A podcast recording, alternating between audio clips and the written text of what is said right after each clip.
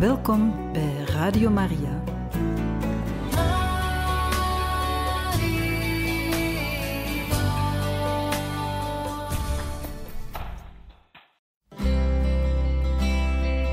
Welkom bij Boekat, een programma van Radio Maria.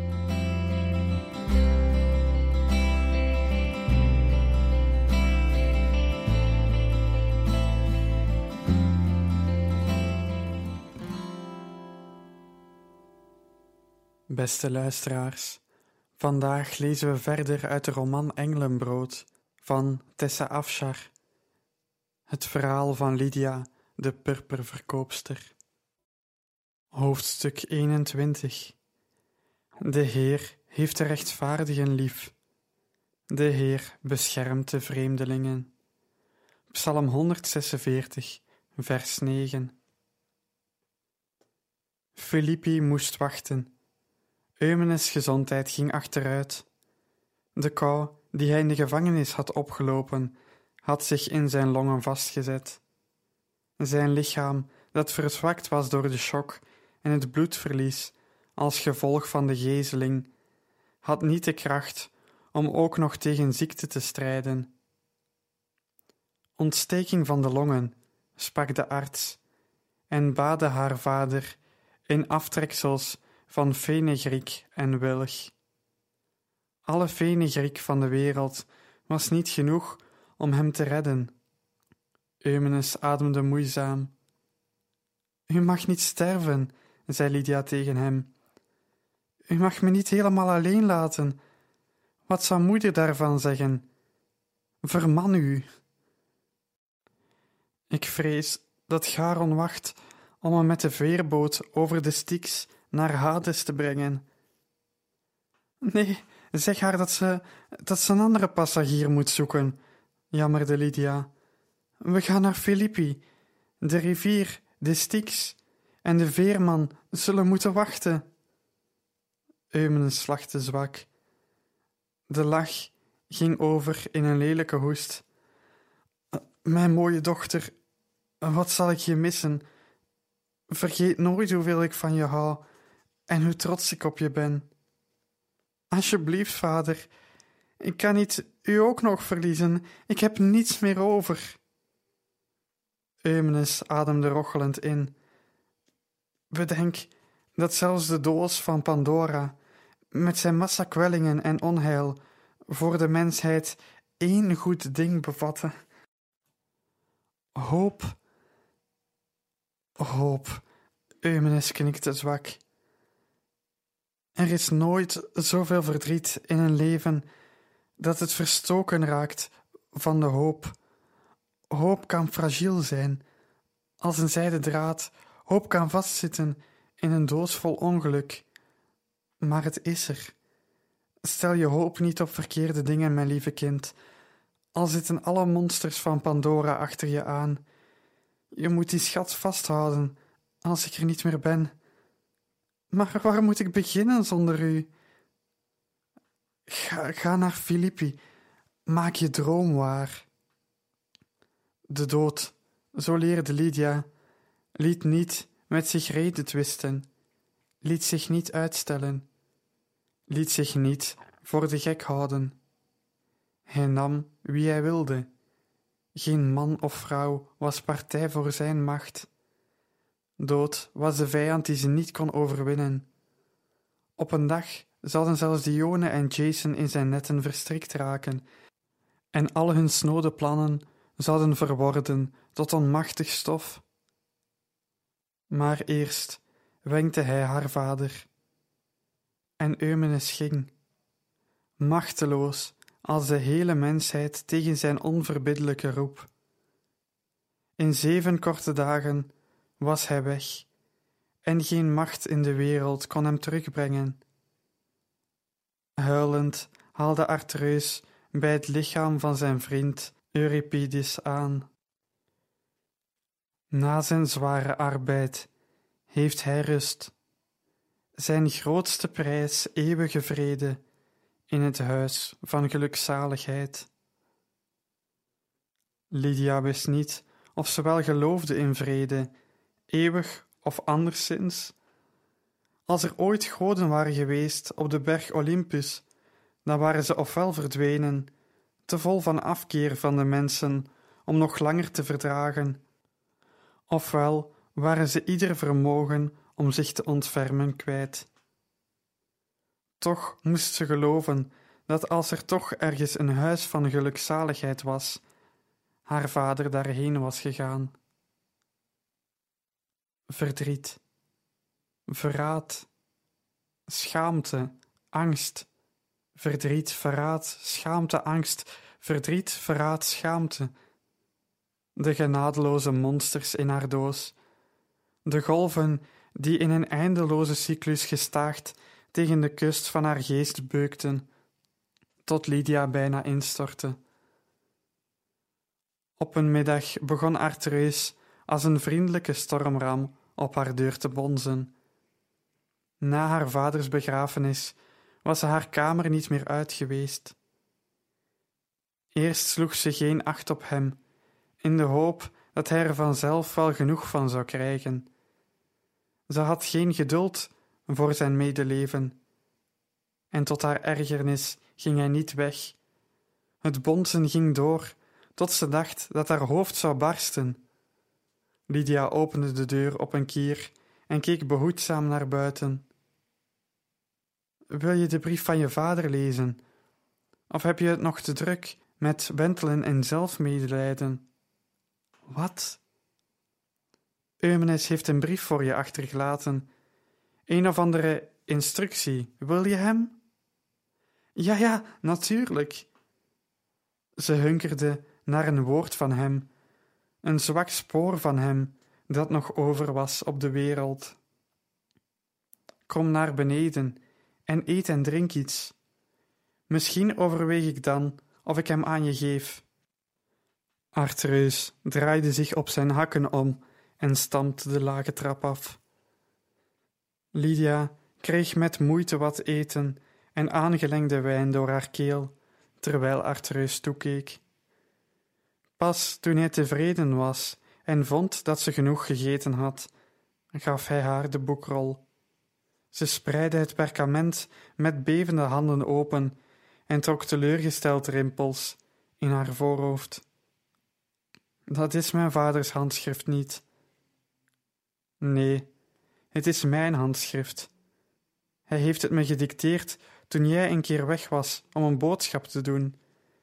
Hij had toen niet meer de kracht om een schrijfstift vast te houden. Lydia hapte naar adem en knikte. Er stond geen aanhef boven. De brief ging abrupt van start. Ik heb je gezegd de hoop niet te verliezen. Ik zei dat je naar Filippi moest gaan om daar te wonen. Als Artreus je deze brief geeft, wil dat zeggen dat je niet naar me geluisterd hebt. Nu moet je ophouden met koppig zijn en de overtocht naar Filippi regelen. Artreus zegt dat hij ons geen geld zal rekenen voor de kamer. Daardoor heb je genoeg zilverstukken om een plaats te boeken op een betrouwbaar schip en heb je nog genoeg over om een bescheiden werkplaats voor jezelf te beginnen als je in Filippi aankomt. Jij wordt de verver van het schitterendste purper dat ze ooit hebben gezien. Je zult ontdekken dat ik een brief heb geschreven aan generaal Varus. Hij is altijd een bewonderaar geweest van mijn verf. Ik heb hem verzekerd dat je al mijn geheimen kent.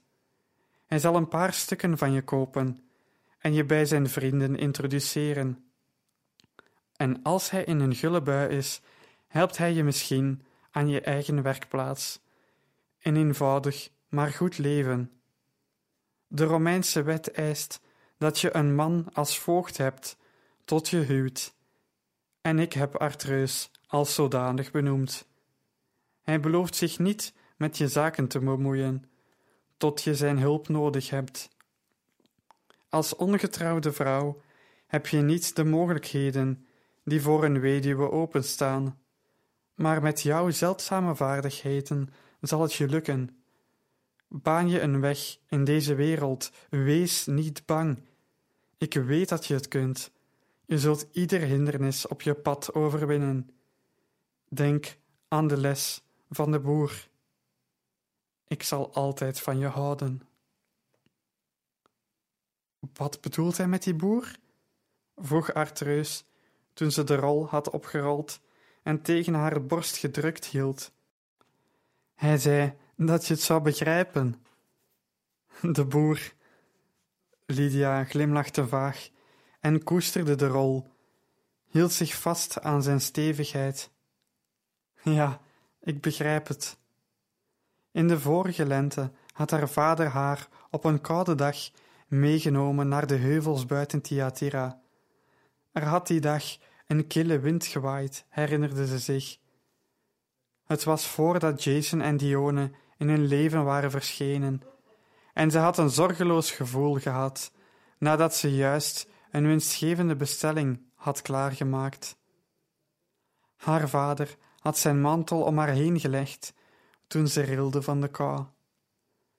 Het was zo'n terloops gebaar, zoals er duizenden waren, doordrongen van onbegrensde genegenheid.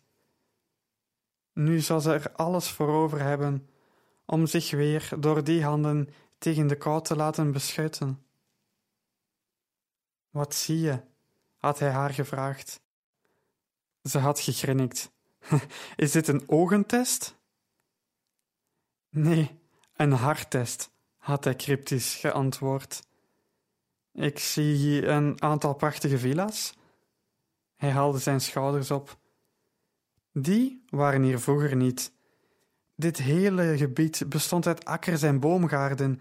Toen Thyatira groeide en vol werd, besloten de rijke handelaren hun huis buiten de stad te zetten. Ze kwamen hierheen, omdat in de late lente de bloesems zouden bloeien, en er later in de zomer en in de herfst fruit en oogst zou zijn. De heuvels waren bedekt met rood goud en groen als de Elysische velden. Het was een schitterend gezicht. Ze kwamen, aangetrokken door de schoonheid van de vallei. De boeren verkochten met alle plezier hun land voor een goede winst. Een handvol klampte zich vast aan hun oude leven en bleef. Hij wees naar een klein stukje land, omringd door drie luxe villa's. Zie je dat daar? Een armzalig lapje grond, bruin en kaal, lag midden tussen de villa's. In de westelijke hoek een bescheiden boerderijtje, waarvan een muur afbrokkelde en een ander gebrekkig gerepareerd was.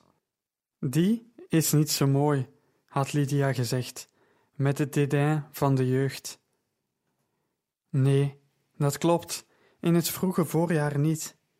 Dit is het plantseizoen, als ze het land ploegen omspitten en klaarmaken voor de oogst. Nu is het land kaal en lelijk. Haar vader wees naar de vervallen boerderij. Ik ken de man die daar woont. Hij moet onderhand negentig jaar zijn. Hij is in dat huis geboren, opgegroeid met het boerenwerk, en hij blijft doen wat hij geleerd heeft: tarwe en gers planten. Een deel van ons brood komt van die boerderij. Dat komt goed uit voor de bewoners van die villa's, had Lydia gezegd. Benieuwd waarom haar vader vond dat dit land een test was voor haar hart. Eumenes had zijn hoofd geschud. Ze vrachten dat kleine boerderijtje. Waarom? had ze verbaasd gevraagd. Omdat het in de winter en het vroege voorjaar kaal en lelijk is. Erger nog, rond deze tijd begint de oude man de grond te bemesten.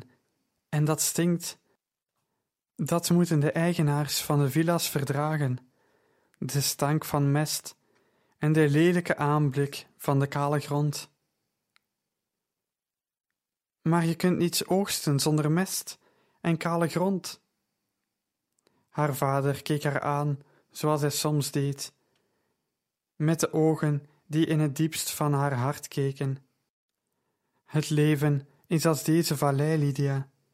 Je kunt zijn als de bewoners van de villa's, die alleen het mooie eindresultaat willen. Of je kunt zijn zoals de boer en het stinkende seizoen voor lief nemen om een oogst te produceren. Lydia drukte de brief van haar vader tegen haar lippen. Zij was nu in het kale seizoen. Het seizoen waarin je ogen tranen van de stank, en vanuit het graf spoorde haar vader aan tot een besluit. Wie nam zij zich voor te zijn, de boer of de eigenaar van de villa? Lydia knarstande. Ik word boer.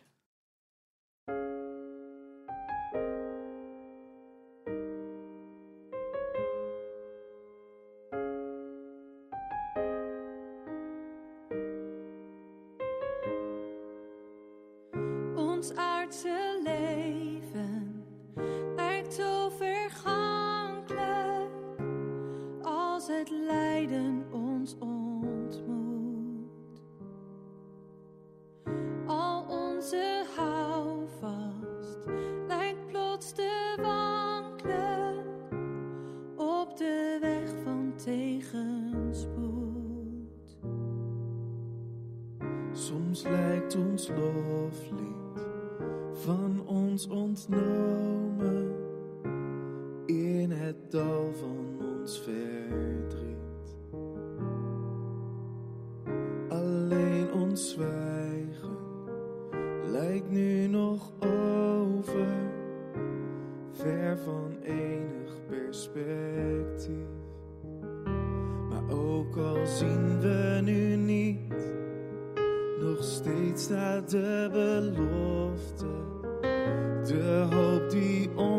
vooruitzicht biedt.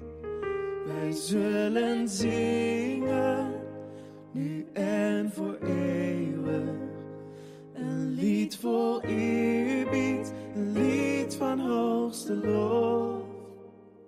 Wij zullen leven en nooit meer sterven voor altijd wonen bij de hoogste God. Een nieuwe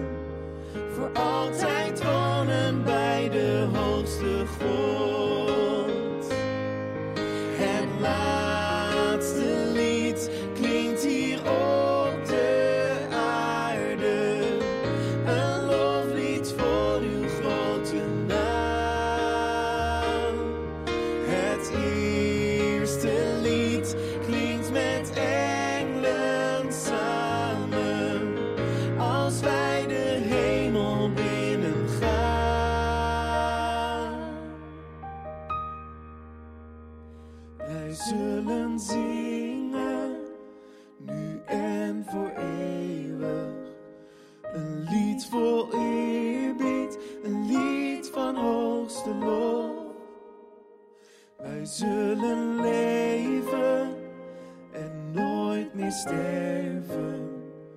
Voor altijd wonen bij de hoogste God. Hoofdstuk 22 Wie iets goeds zegt, voedt zich met zijn eigen woorden. Van wat hij tot stand brengt, profiteert hij zelf. Spreuken hoofdstuk 12, vers 14 Thyatira lag aan de hoofdweg die twee rivierdalen met elkaar verbond. maar er waren geen havens in de mooie Hermerusvallei. Om naar Filippi te gaan, moest ze eerst naar Troas zien te komen en vandaar de overtocht boeken op een schip naar Neapolis, de havenstad die het dichtst bij haar bestemming lag. Het was geen eenvoudige reis, een vrouw alleen, zonder bedienden, zonder de bescherming van een vader of echtgenoot of broer, die lange afstanden aflegde, was een kwetsbaar doelwit voor zwervers, om nog te zwijgen over de gewone reisongemakken, zoals ziekte en verdrinken. Artreus had de eigenaar van een bepaalde karavaan aanbevolen als enigszins eerlijk en niet helemaal ontaard. Wat geen hoge lof was, maar kennelijk het beste wat Lydia kon verwachten. Ze sjouwde helemaal naar de markt, op zoek naar de man, en kwam te weten dat hij voor een week op zakenreis was. Ze slaakte een zucht van verlichting. Ze wist dat ze niet altijd gebruik kon blijven maken van Arthur's vriendschap en gastvrijheid, maar het uitstel van haar onvermijdelijke reis was eerder een opluchting dan een ongemak. Opgaand in ijselijke gedachten over bandieten en moordenaars, sleepte ze zich terug naar de herberg. Met angst en beven dacht ze aan de vele dingen die mis konden gaan, toen een klaaglijke stem haar terugtrok naar het land der levenden. Help me, mevrouw, alsjeblieft. Als ze jaren later weer aan dat moment terugdacht, kon ze niet verklaren waarom ze stil was blijven staan. Bedelaars waren gewoon in Thyatira, zo gewoon dat men hun ellende amper opmerkte. Ze waren als bomen die groeien op de vlakten, als de verwelkende bloemen van de woestijn. Ze losten op in de achtergrond van het bewustzijn. Maar de stem, de woorden, iets in de toon van de bedelares, een vreemde tegenstrijdigheid in haar manier van doen, trokken Lydia's aandacht. Het was een jonge vrouw van ongeveer Lydia's leeftijd, met grote ogen in de kleur van volle honing. Ondanks het vuil en de insectenbeten vond Lydia haar gezicht knap. Een golf van medelijden kwam in haar op. De kleren van het meisje waren niet de vodden van een bedelaar. Ze waren verschoten van het vele dragen en vuil, maar Lydia kon zien dat ze van goede kwaliteit waren geweest.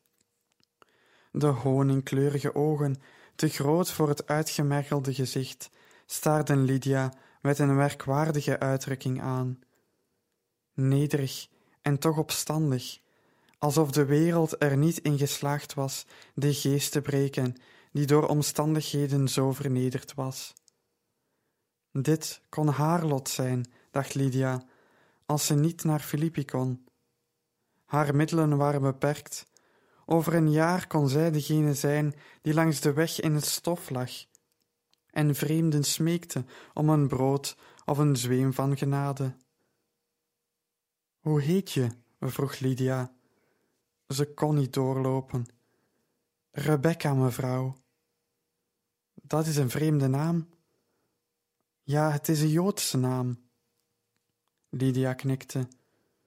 Er woonde een grote gemeenschap van Joden in Thyatira. Haar vaders collega Avram hoorde daarbij. Ik ben een keer in Jeruzalem geweest toen ik klein was. Ik weet het nog goed. Het gezicht van het meisje lichtte op. Bent u in Jeruzalem geweest, mevrouw? Hebt u de tempel bezocht? De voorhof waar de heidenen mogen komen? Nee, ik ben er alleen langs gelopen en niet naar binnen gegaan. De muren hadden kantelen bovenop en waren gemaakt van geelachtige stenen die in goud veranderden in het licht van de zonsondergang. Ben jij er geweest? Rebecca schudde haar hoofd. Mijn vader ging ieder jaar, maar ik mocht niet met hem mee. Lydia, die haar vader overal naartoe had vergezeld, vond dit een vreemd antwoord. Hoe komt het dat Thyatira zo slecht voor je is geweest, Rebecca. Ach, welke streek van de aarde is niet vol van onze rampspoed? Ik kan Thyatira mijn verdriet niet verwijten, mevrouw. Lydia zette grote ogen op. Ik heb nog nooit een bedelaar gezien die Vergilius kon aanhalen, en dat met zo'n zuiver accent. Je praat eerder als een geleerde dan als een bedelares. Kun je dan lezen en schrijven? Ja. Lydia knikte. Heb je honger? De woorden waren al uit haar mond voordat ze de kans had om erover na te denken. Ik ben uitgehongerd. Kom dan, ik zal je te eten geven. In elk geval vandaag zul je lekker eten. Meester Artreus trok een dikke grijze wenkbrauw op toen hij Lydia's gast zag. Ze haalde haar schouders op. Dit is Rebecca. Ze kan Vergilius citeren. Nu ging ook Artreus' andere wenkbrauw omhoog. Laat je de deur open, voor het geval ze besluit je te beroven, dan ben ik er sneller als je. Rebecca werd rood en boog het hoofd. De Heer verbiedt ons te stelen, dat zou ik nooit doen. Ze is Joods, zei Lydia, verduidelijkend tegen Artreus. Hij liet zijn wenkbrauwen zakken en knikte kort. Let maar niet op hem, zei Lydia. Hij is alleen maar jaloers. Hij kan geen enkel woord van Vergilius aanhalen, maar hij is goed met Euripedes. Lydia bood het meisje een zitplaats op de bank, maar ze schudde vlug haar hoofd. Ik ben smerig, mevrouw. Ik kan beter op de grond gaan zitten. Haar manieren waren niet die van een straatschooier, merkte Lydia op. Ze haalde de kom met linzen en uien die over was gebleven van het middagmaal, vond het brood dat ze niet had opgegeten, schonk olijfolie op een geschilferd bord en zette het meisje de povere gave voor. Het eten was koud, het brood oud gebakken. Het leek Rebecca niet te deren. Ze staarde naar het eten en er welden tranen in haar ogen. Ze sprak snel een Hebreeuws gebed uit voordat ze een hap nam van het brood. Ze deed haar ogen dicht. Lydia, wier kookkunsten aan de wensen overliet, glimlachte geamuseerd. Eindelijk had ze een erkentelijke afnemer van haar culinaire talenten gevonden. Kennelijk was daar alleen maar uithongering voor nodig. Toen ze klaar was, stapelde ze haar vreemde gast, haar kom en bord netjes op, alsof ze van glas waren en niet van geschilferd aardewerk. Ik kan ze afwassen als u wilt, zei ze. Lydia wuifde het weg. Ik breng ze later wel naar de binnenplaats. Rebecca stond op. Mogen de Heer u zegenen om uw gastvrijheid, zei ze, terwijl ze zich omdraaide. Het drong tot Lydia door dat ze van plan was te vertrekken. Wacht! Het meisje draaide zich om. Een onuitgesproken vraag op haar gezicht.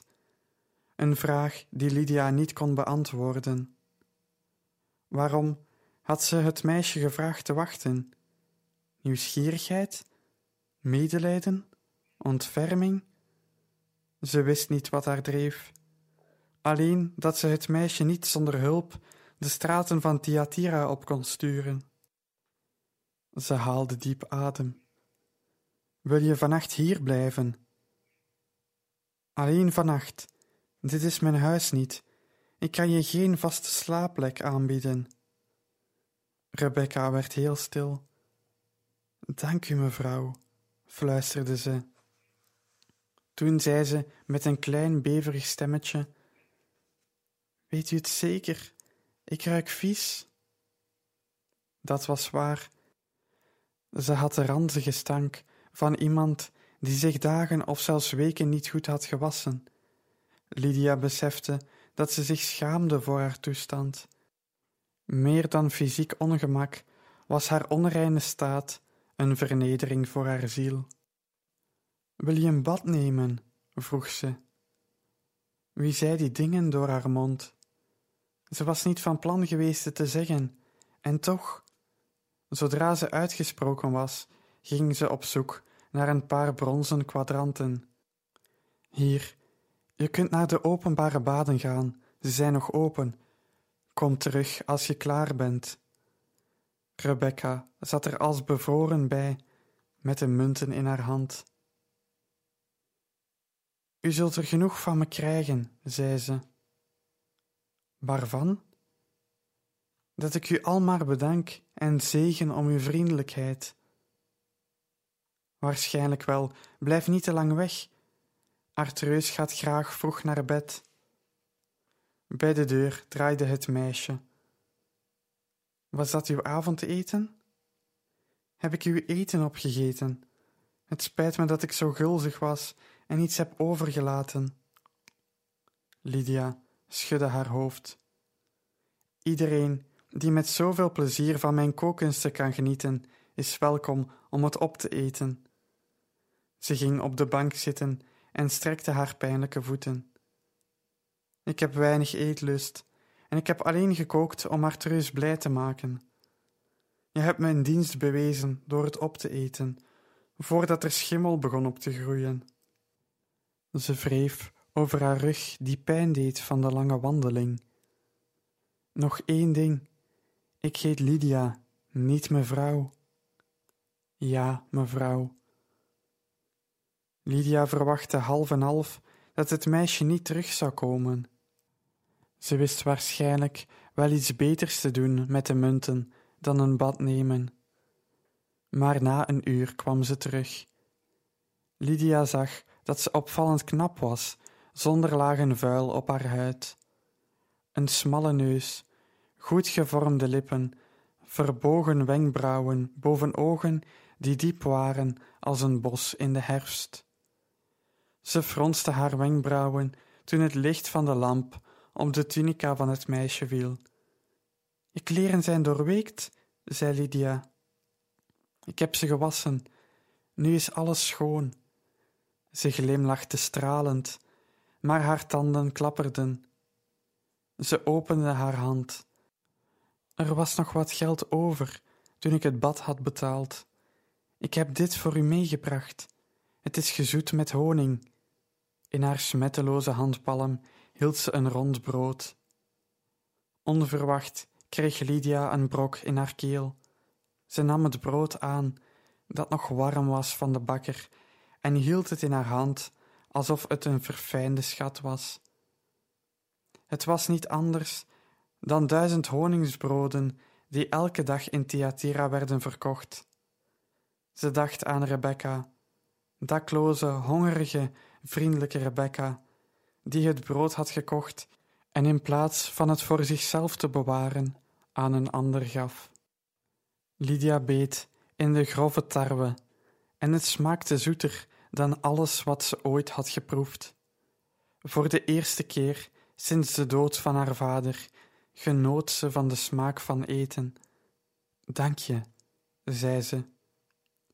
Het meisje sliep die nacht op de vloer, met een opgevouwen deken als matras, om haar te beschermen tegen de kou van de nacht.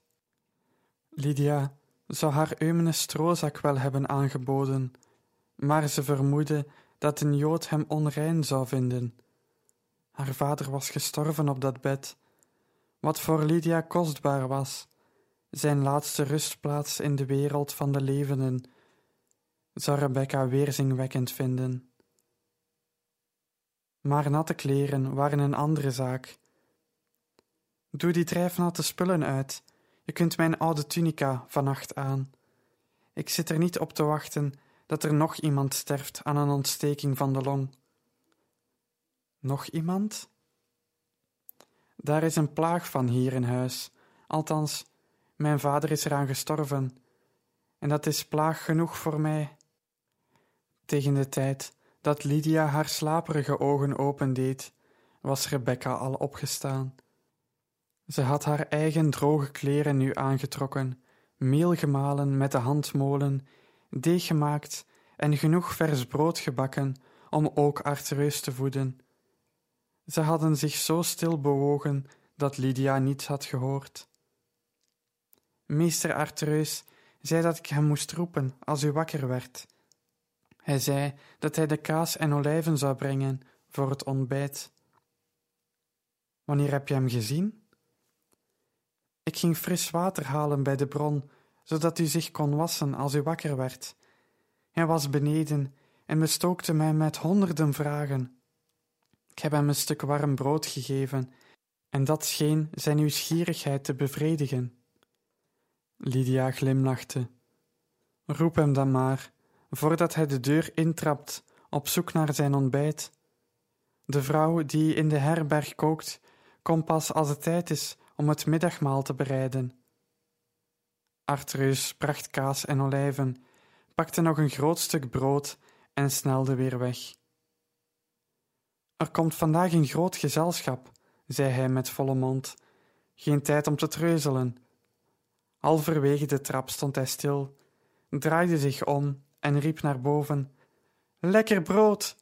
voordat hij uit het zicht verdween. Rebecca lachte. Hij houdt van eten, geloof ik. Lydia, die verzadigd was en redelijk uitgerust na een paar uur ononderbroken slaap, bestudeerde haar ongewone gast. Hoe is het gekomen dat een jonge vrouw als jij op straat is beland? Heb je je vader verloren? Mijn vader leeft. Zit hij dan in de gevangenis? Nee, hij heeft een succesvolle bronshandel. Nu het granieetseizoen altijd vol soldaten zit, is er veel vraag naar brons. Lydia boog zich naar voren. Ik begrijp het niet. Je vader leeft nog. Hij heeft een geslaagd bedrijf. Hoe ben je dan in zo'n hachelijke situatie terechtgekomen? Lydia's eigen vader was een beschermende leeuw geweest en zou alles geven wat hij had om haar gelukkig te maken.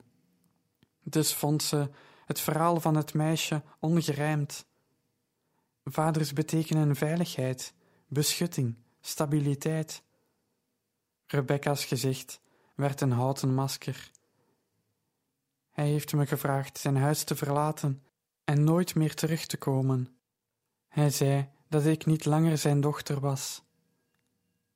Heeft hij je onterfd? Ja, mevrouw. Lydia kon geen enkele omstandigheid bedenken die voor haar eigen vader aanleiding zou zijn om haar uit zijn huis en hart te verdrijven. Wat had het meisje gedaan? Hoe vreselijk moest haar misdaad zijn geweest? Welke geheimen bevatten die onschuldige ogen? Welk monsterlijk geweld was in hun diepten verborgen? Lydia verstijfde. Ze vroeg zich af of haar trui snel genoeg zou komen als ze gilde, en zo subtiel als ze kon, vergrootte ze de afstand tussen haar en het meisje. En zo, beste luisteraars, zijn we aan het einde gekomen van deze aflevering. In een volgende uitzending lezen we verder uit het boek Engelenbrood, het verhaal van Lydia de purperverkoopster van Tessa Afshar. Tot een volgende keer.